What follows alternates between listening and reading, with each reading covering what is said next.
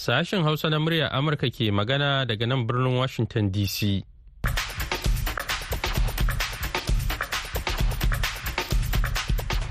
Masu sauraro barkanmu da wannan la'asariya da fatan kuna lafiya. Sunana Muhammad Hafiz Baballe tare nake da Mahmud Lalo da sauran abokan aiki muke farin cikin kasancewa tare da ku a daidai wannan lokaci. Yau Lahadi 14 ga watan Janairu na shekarar 2024 kafin ku ji abubuwan da muke tafa da su ga kanin labarai.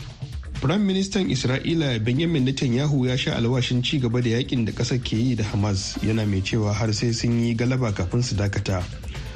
Shugabanni daga ƙasashen duniya na ci gaba da yin tsokaci bayan da ɗan takarar jam'iyyar mai mulki ta DPP layacinta ya lashe zaɓen shugaban ƙasar da aka yi a ranar Asabar a Taiwan. Wani ramin haƙar ma'adinai da mutane ke haƙa ba bisa ka'ida ba ya halaka mutum 22 a arewacin Tanzania bayan da ya rubuta. Kanin labaran duniyar kenan cikin shirin za ku ji cewa masana tsaro a Najeriya sun fara tsokaci kan jiragen yaƙi na zamani da Najeriya za ta saya daga ƙasar Rasha. jiragen da ake so a saya daga Rasha ɗin jiragen za su yi aiki sosai sosai a Najeriya kuma teri daga ƙasa kamar Najeriya wannan jiragen aka sayo su zai taimaka muna kan kallafa wannan mugaye. Sannan za ku ji shawarar da masana harkokin tattalin arziki suka bai wa nahiyar afirka don kaucewa tsadar rayuwa a duk lokacin da wani al'amari zai shafi kasuwancin duniya yayin da ake fuskanta hare-hare da mayaƙan hutu ke kaiwa kan jiragen ruwan kasuwanci a tekun maliya. Kasashen afirka abin da za su yi su fita daga cikin waɗannan damoyi shine su inganta kasuwanci tsakaninsu kamar yadda suka shiga yarjejeniya na africa continental free trade agreement. Daga nan za mu kawo muku shirin matasa a duniyar gizo da Halima Abdurrauf ta shirya za ta gabatar da kuma wasu daga cikin rayun da kuke aiko mana ta hanyar imel. To amma fa sai mun fara da shan labaran duniya tukunna.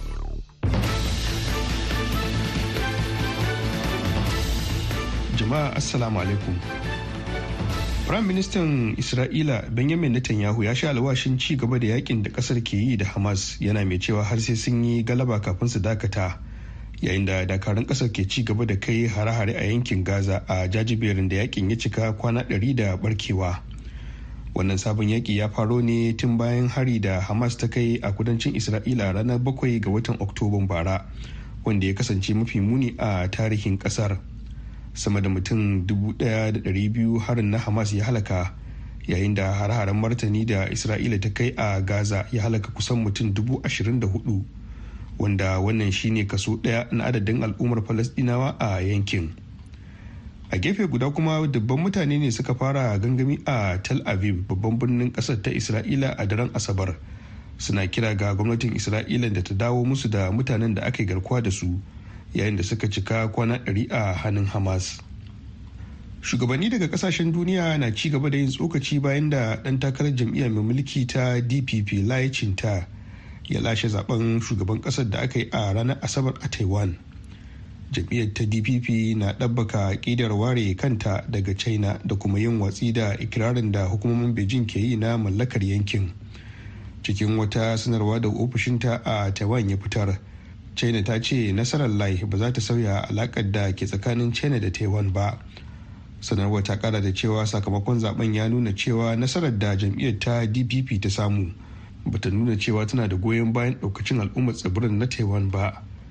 A nashi tsokacin shugaban amurka joe biden tun gabanin a buɗe rumfunan zaɓe ya yi gargaɗi ga masu ƙoƙarin yin katsalandan a zaɓen tsohon firayim ministan birtaniya david cameron ya mika saƙon taya munna ga layi yana mai fatan taiwan da china za su yi ƙoƙari su bi tafarkin sasanta bambancin da ke tsakaninsu. Kamfanin dillancin labarai na ap ya rawaito cewa jama'a da dama sun barke da murna a taipei bayan da aka sanar da lai a matsayin wanda ya lashe zaɓen Firayim Ministan Japan Fumio Kishida ya kai ziyara a yankin arewacin tsakiyar ƙasar a karan farko bayan mummunar girgizar ƙasar da ta auku a ranar 1 ga watan Janairu. Ziyarar ta Kishida na da alaka da koken da ake yi na tafiyar hawainiya da aikin ba da agaji ke yi. Da kuma yaduwar cututtuka a sansanonin da masu gudun hijira ke zaune. Girgizar mai ƙarfin maki 7.6 ta halaka mutum 220 sannan mutum 26 sun bata yayin da ta jikkata wasu ɗaruruwa. Sama da mutum dubu ashirin mafi akasarin waɗanda gidajensu suka lalace na neman mafaka a makarantu da cibiyoyi 400 a cewar hukumar kiyaye haɗura. Lalacewar da hanyoyi suka yi sanadiyar wannan ibtila'i ta kawo cikas ga ayyukan ceto. Ko da ke wancin kayayyakin tallafi da aka aika yankin ya kai ga wasu mabukata yayin da wasu ɗaruruwa ke korafin rashin samun tallafin. Girgizar ƙasar ta fi shafar garuruwan noto wajima da suzu waɗanda rabin mazauna waɗannan yankuna da tawa ne. Lamarin da ke ƙara jefa lafiyarsu cikin haɗari. Labaran na zuwa muku ne daga nan sashen hausa na muryar amurka a birnin washington dc To nan ba da jimawa Mahmud zai sake dawo mana da karashin labaran duniyar, amma kafin nan za mu buɗe taskar rahotanninmu. Masana tsaro a Najeriya sun fara tsokaci kan jiragen yaƙi na zamani goma sha biyu da Najeriya za ta saya daga ƙasar Rasha a ƙoƙarinta na ci gaba da tunkara ƙalubalen tsaro da yaƙin yaƙi cinyewa. Daga Abuja ga rahoton Hassan Mai na kaina. Gwamnatin da ta gabata ne dai ta sanya hannu da ƙasar rasha a kan yarjejeniyar samarwa najeriya jiragen yaƙi masu saukar ungulu na zamani yan yayi samfurin mi-35 guda goma sha biyu.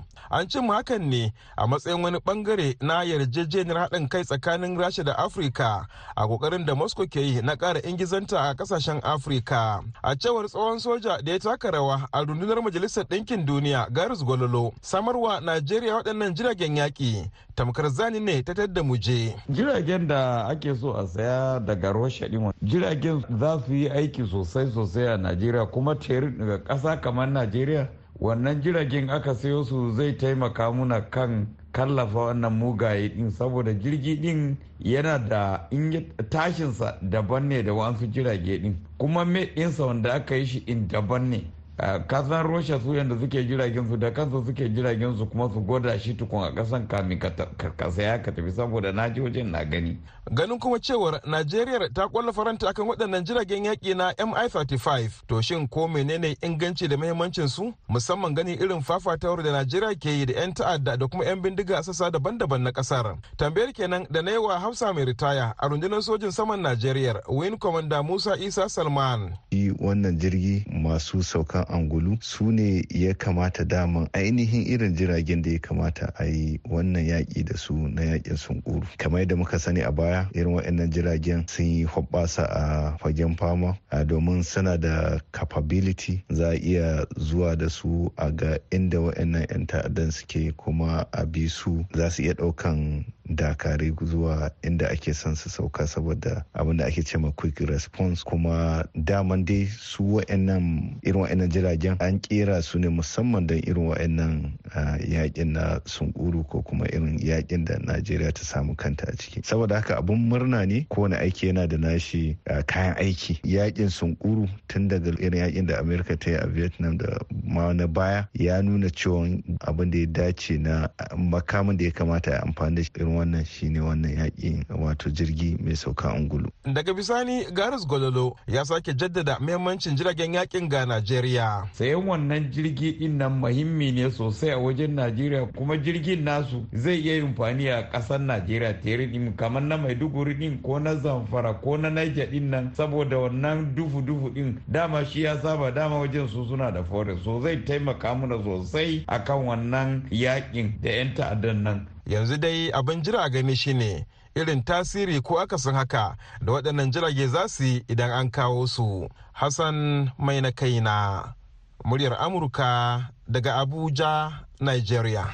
A gaida hassan mai na kaina wannan shirin na zuwa muku ne daga nan sashen hausa na muryar amurka a birnin washington dc yanzu kuma ga mahmud ya dawo don mana da ƙarashin labaran duniyar. Wani ramin haƙar ma'adinai da mutane ke haƙa ba bisa ka'ida ba ya halaka mutum 22 a arewacin tanzania bayan da ya rufta wani babban jami'in gwamnatin ƙasar ne ya bayyana haka a ranar lahadi bayan ruwan sama da aka tafka kamar da kamfanin jallancin labarai na reuters ya rawaito lamarin ya faru ne da sanyin safiyar ranar asabar a yankin da ake kira simiyu bayan da wasu mutane masu shekaru 24 zuwa 38 suke haƙar ma'adinai a yankin wanda hukumomi suka haramta yin aiki a wurin. Kwamishina a gundumar samun simalange ya faɗa wa reuters cewa mutanen sun ɗunguma zuwa yankin ne bayan da suka gano akwai ma'adinai gabanin gwamnati ta ba da izinin fara aiki a yankin. Ya kara da cewa tun daga ranar juma'a mutanen suka fara haƙar ma'adinan amma sai a ranar asabar wani yankin ramin da suke ciki ya rubta ya rufe su baki ɗaya wani aman wutar dutse da ya auku a kudu maso yammacin ƙasar iceland a karo na biyu cikin kasa da wata guda ya kurara zuwa wata unguwa da ke kusa da dutsen. Lamarin ya faru ne a ranar lahadi da misalin ƙarfe 8 na safe agogon yankin bayan wata girgizar kasa da aka yi a garin da ake kira grindavik a cewar hukumar kula da yanayi a ƙasar ta iceland. A watan nuwamba aka taba kwashe mazauna wannan yanki aka kai su wani matsuguni. Inda suka zauna har tsawon makonni shida bayan wasu jerin girgizar ƙasa da aka fuskanta inda daga baya kuma wannan ibtila'i na aman wutar dutse ya auku. Lokaci mafi muni da irin wannan hadarin ya faru shine a shekarar 2010 inda hayakin tokar da duwatsun suka fitar ya kai ga hana zirga-zirgar jiragen sama a sararin samaniyar yankin nahiyar turai.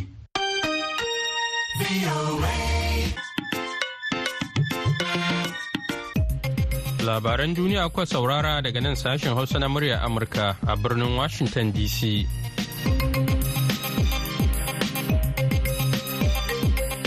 Madalla. Hare-haren da mayaƙan Huti ke kaiwa jiragen ruwa na kasuwanci a yankin tekun Maliya na shafar sha'anin kasuwanci a wasu sassan duniya a cewar masana. Lamarin da ya sa Amurka da ƙawayenta suke ɗaukan matakin soji akan mayaƙan na Huti. Waɗanda suka ce suna kaikaitar jiragen ruwa da suke nufar isra'ila ne. Ko ta yaya wannan al'amari zai iya shafar nahiyar afirka? Tambayar kenan da mahmud lalo ya yi wa masanin tattalin arziki yushawa aliyu wanda ya fara da bayani kan muhimmancin wannan yaƙi na teku da jiragen ke ratsawa. Malam Mahmud wannan mashigi wanda ya raba daular larabawa da ƙasashen Afirka wanda kuma yana da mahimmanci sosai wajen kasuwancin duniya ta ruwa wanda kuma ya daɗe yana ba da gudunmuwa na rarraba kayayyaki da suka hada da hatsi da mai da gas da sauran kayayyakin more rayuwa wanda kuma ya kai kusan kashi goma sha biyu cikin ɗari na kasuwancin da ake a duniya. Zai yi ta'adi sosai matattalin arzikin duniya. To kamar wani irin tasiri waɗannan hare-hare za su yi ga tattalin arzikin ƙasashen nahiyar Afirka duba da cewa akwai kwantenoni ɗauke da kayayyaki da ake kaiwa nahiyar. Farko za a ɗauki dogon lokaci kafin abubuwan da za a samar ma kasuwa ta same su. Na biyu kuma zai sake shafan abinci wanda ƙasar afirka musamman jaziratul arab ƙasashen da suka hada da su egypt da sauransu wanda suka mai da kasuwancinsu ta, ta, yankin daular turawa wato europe wanda kuma ake ɗauko waɗannan abinci. Shi ma wannan tsaiko zai haifar da canje-canjen farashi zai kuma haifar da wasu sababbin rigingimu sannan kuma zai daɗa ta'azzara ƙarancin abinci musamman ga nahiyar afirka wacce ta dogara sosai wajen samu wasu abubuwa da suke gina tattalin arzikinsu ko dai ta man fetur ko kuma ta tataccen man fetur kai hadda abinci musamman ma alkama wacce take da asali a ƙasar ukraine da rasha wanda su ma suna yaƙi wanda kuma ake ci gaba da samun matsaloli a farashin. Wasu za su iya cewa menene kamar dalilin da ya sa waɗannan mayaka na huthi da ake zargi suke kai wa jiragen 'yan kasuwar hari? Wannan hare-hare da 'yan huti suke kaiwa ta ruwa yana da alaka da wannan rigima da ke faruwa tsakanin ƙasar isra'ila da ƙungiyar hamas wanda su ma wasu abokai ne na waɗannan ƙungiya ta huti waɗanda su ma suna neman su taka nasu irin rawan ko kuma suna da burin cimma wasu nasabobi da suka sa a gaba. Amma a zahiri da su ɗin da abin da muke fitarwa ta wannan yankin da abin da ake shigo da shi duk farashin shi zai canza wanda kuma zai shafi a bunƙasan tattalin arziki na duniya gaba ɗaya musamman kuma ƙasashen afirka wanda suka dogara wajen fitar da kayayyakin da suka samar daga nau'in gonaki ko kuma ma'adinai da kuma samun kayayyakin da ake shigo da su da ya hada da abinci da kuma wasu abubuwa da ke gina tattalin arzikinsu saboda haka lallai akwai matsaloli masu girma wanda suka ta'allaka da wannan rigima da ake yi kuma wanda zai shafi tattalin arzikin mutane. To Malam Shau ina mafita ga wannan matsala ta fuskar kasuwanci musamman ga ƙasashen nahiyar Afirka da ake hasashen su ma abin zai shafa duk da cewa dai amurka da wasu ƙasashen turai suna yakar waɗannan masu kai hari a tekun.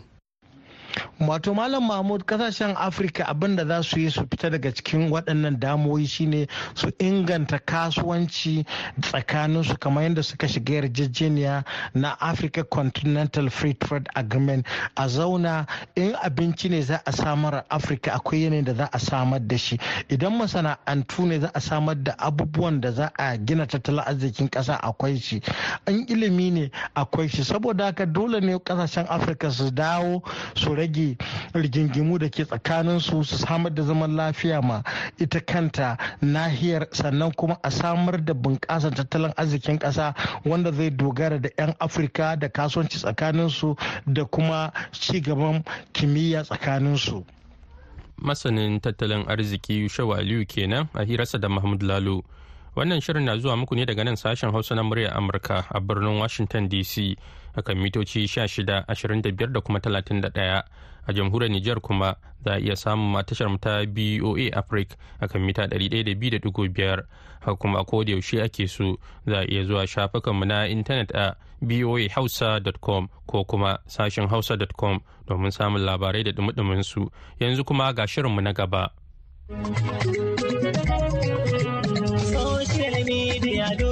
Matasa, miya da alkhairi karmiya da zamba.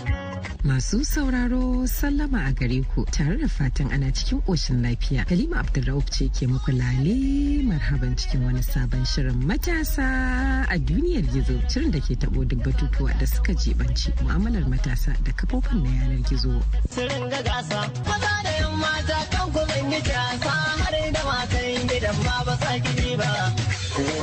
Madalla a cikin shirin na wannan lokaci za mu tattauna da wata matashiya da ta kware a wajen ɗauka tare da wallafa bidiyoyin girke-girken zamani masu ilmantarwa a kafofin sada zumunta wanda ke matsayin wani ɓangare na content creation a turanci don ɗaukan darasi ga matasa kan yadda za su riƙa samun kuɗaɗen shiga da kafofinsu na yanar gizo. Content creation dai na nufin har hada fayafayen bidiyoyi, rubuce-rubucen ra'ayoyi, tallace-tallace da dai sauransu a kafofin sada zumunta. Yanzu lokaci yayi da za mu sada ku da matashiyar da ke amfani da kafofinta wajen ɗaukan kayatattun bidiyoyin ilmantarwa akan yadda matasa 'yan uwanta za su riƙa samun kuɗaɗen shiga wacce za ta fara da gabatar da kanta da yadda ta fara ɗaukan bidiyoyin abinci. Assalamu alaikum sunana Maryam Sa'idu wacce aka fi sani da Shafma a shafukan sada zumunta. Ni 'yar asalin Kwantagora ce a jihar Niger amma an haife ni a Katsina kuma a Katsina na girma. Na yi karatu a jami'ar Umar Musa Aduwa da ke a cikin jihar Katsina. Ni ma abociyar son duk wani abu da ya ƙunshi abinci ne sai na fara da siyar da samosa a jami'a wanda na koya a wurin antina wato antimirja da wannan kuɗin da nake samu idan na siyar shi nake siyan data sannan har ma in siya ingredients abubuwan da nake buƙata wanda zan dafa in ɗauka bidiyo kuma sannan in wallafa shi a shafukan sada zumunta. So daga nan dai sai na ɗauka fashion na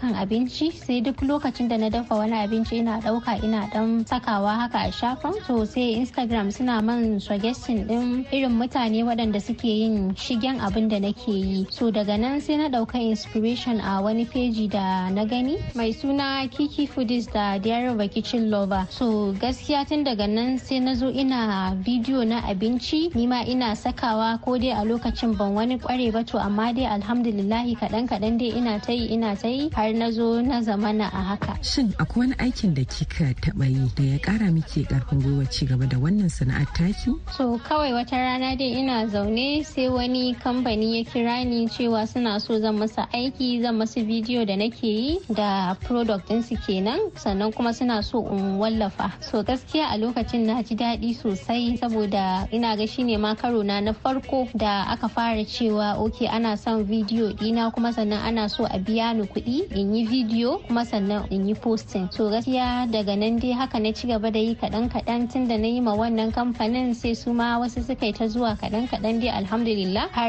muka kai inda muke. To akasarin yan uwanki masu irin sana'ar da kike sun fi raja'a kan koyar da girke-girken zamani me yasa kika karkata ga ɓangaren ɗaukan bidiyoyi? Gaskiya na fi mai da hankali akan koyarwa mutane da za su ɗauka bidiyoyi na abinci ko ma na menene content creation kenan a general yanda za su samu kuɗi da wannan kuma sannan yadda za su samu followers. Akwai hanyoyi da dama da za ka samu kuɗi akan content creation wanda ba dole sai ma kamfani ya yi ricin ɗinka ba na suna so ka masa aiki which is more popular. Na fi koya wannan bisa ga online cooking classes haka wanda za a ringa koya mutane abinci da ramadan ko kuma da sallah haka a ce ku zo ku koyi recipe. Saboda ni ina ganin wannan already ina koya muku shi a peji na. Duk wani abincin da nake so ku iya ko nake so in sharing da ku. To already ina posting din shi a shafi na to shi yasa gaskiya ban mai da hankali ba kuma ga wannan shafin na koya girke-girke. Na fi mai da hankali kan na koya wa mutane yadda za su ɗauka bidiyoyin su kamar yadda nake ɗauka bidiyoyi masu quality da dai sauransu. Kuma alhamdulillahi na samu karbuwa sosai har dai na wannan koyarwan ɗaukan content creation ɗin nan. Saboda akalla na samu mutane sama da ɗari da hamsin waɗanda suka yi rijista suka koya wannan abun kuma sun ji daɗi sosai kuma ni ma na ji daɗi sosai saboda kaga mutum ya ƙari da kai kuma mutane suna so su koya abu ba su samu opportunity na wanda zai koya musu ba. Sosai zamana cewa ni ce wadda zan koya musu kuma alhamdulillahi sun koya. Na kuma koya musu a harshen hausa da kuma harshen turanci saboda ba na son ya zamana akwai dalilin da zai sa ka ce kana so ka koya abu amma ba za ka yi ba saboda bambantuwan harshe. Wannan sana'a ce wadda za ka yi ma a inda kake ko ma ina ka tsinci kanka. Ya kuma batun kyautar giveaway kuma shin akwai masu ɗaukan nauyi? Batun giveaway kuma wannan abu ne wanda gaskiya yana kara maka followers yana kara sa mutane kuma su ma su tsaya su jajirce a pejin ka. Even though ina amfani da su cts wato kira zuwa ga aiki ina amfani da su hook. So wannan giveaway din gaskiya yana taimakawa sosai yana taimakawa mutane su makale a jikin peji na ni nake ɗaukan nauyin giveaway din da duk nake yi akan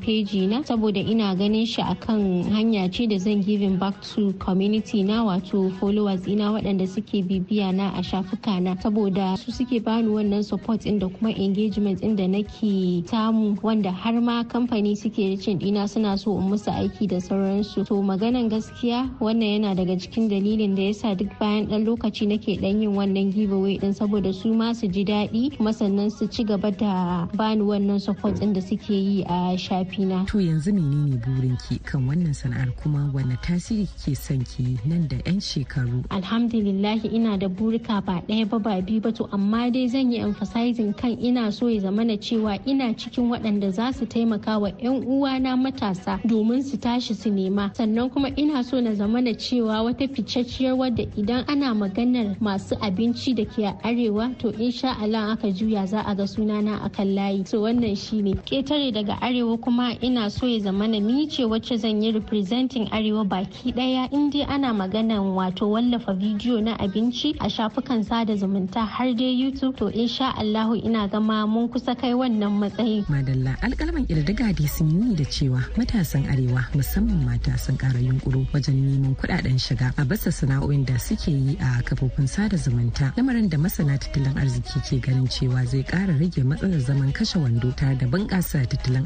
arzikin najeriya. To masu sauraro gabaki ɗaya kuma a nan za mu kawo ƙarshen shirin na wannan lokaci. Yanzu a madadin ma'aikata da mahukuntan murya amurka ne halima abdulrauf ke mana fatan alkhairi. Mu kasance cikin ƙoshin lafiya. Bi salam. A gaida halima abdulrauf. Yanzu kuma ga kaɗan daga cikin rayun da kuku masu sauraro ku aiko mana ta hanyar imel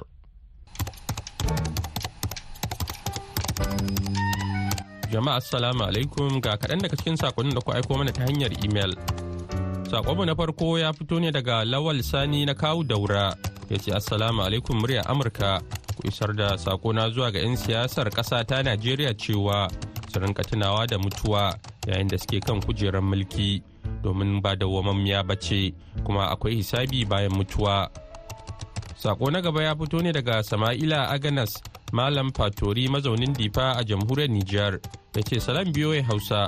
Hakika wannan hukunce-hukunce da kotun koli ta yanke kan zaɓukan jihohin kano zamfara plateau lagos akwa ibam da kuma abia ya nuna cewa gaskiya an samu zaman lafiya da ma samun ɗorewar ƙarfin demokuraɗiyyar ƙasarmu najeriya. Allah ya tabbatar da yin adalcin waɗannan gwamnoni a jihohinsu.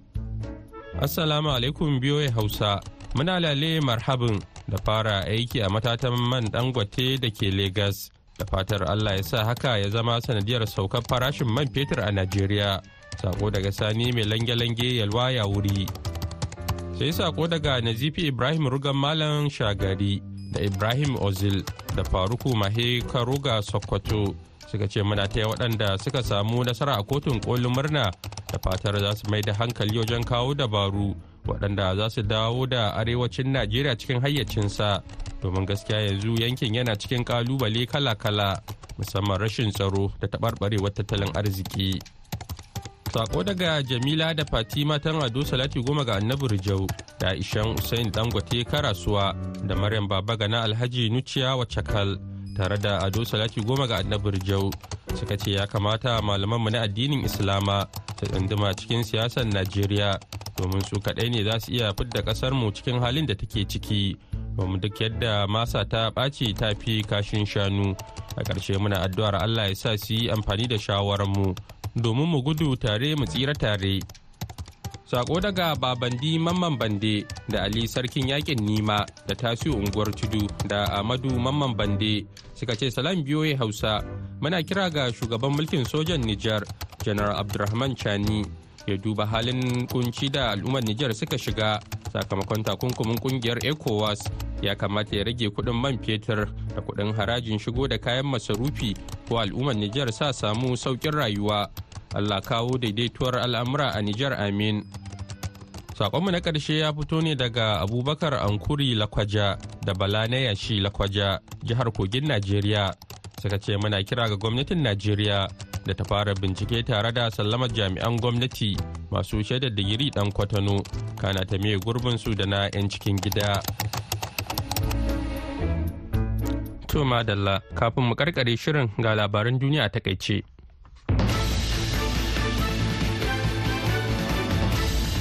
Firayim Ministan Isra'ila Benjamin Netanyahu ya sha alwashin ci gaba da yaƙin da ƙasar ke yi da Hamas yana mai cewa har sai sun yi galaba kafin su dakata yayin da dakarun ƙasar ke ci gaba da kai hare-hare a yankin Gaza a jajiberin da yaƙin ya cika kwana ɗari da barkewa.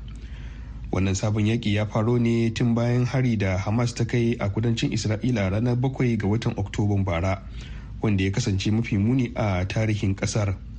Sama da mutum 1,200 harin na hamas ya halaka yayin da har-haren martani da isra'ila ta kai a gaza ya halaka kusan mutum 24,000 wanda wannan shine kaso ɗaya na adadin al'ummar falasdinawa a yankin.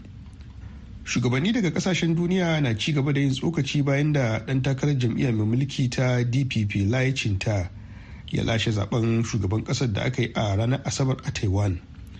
Jam'iyyar ta dpp na ɗabbaka ƙidar ware kanta daga china da kuma yin watsi da ikirarin da hukumomin beijing ke yi na mallakar yankin.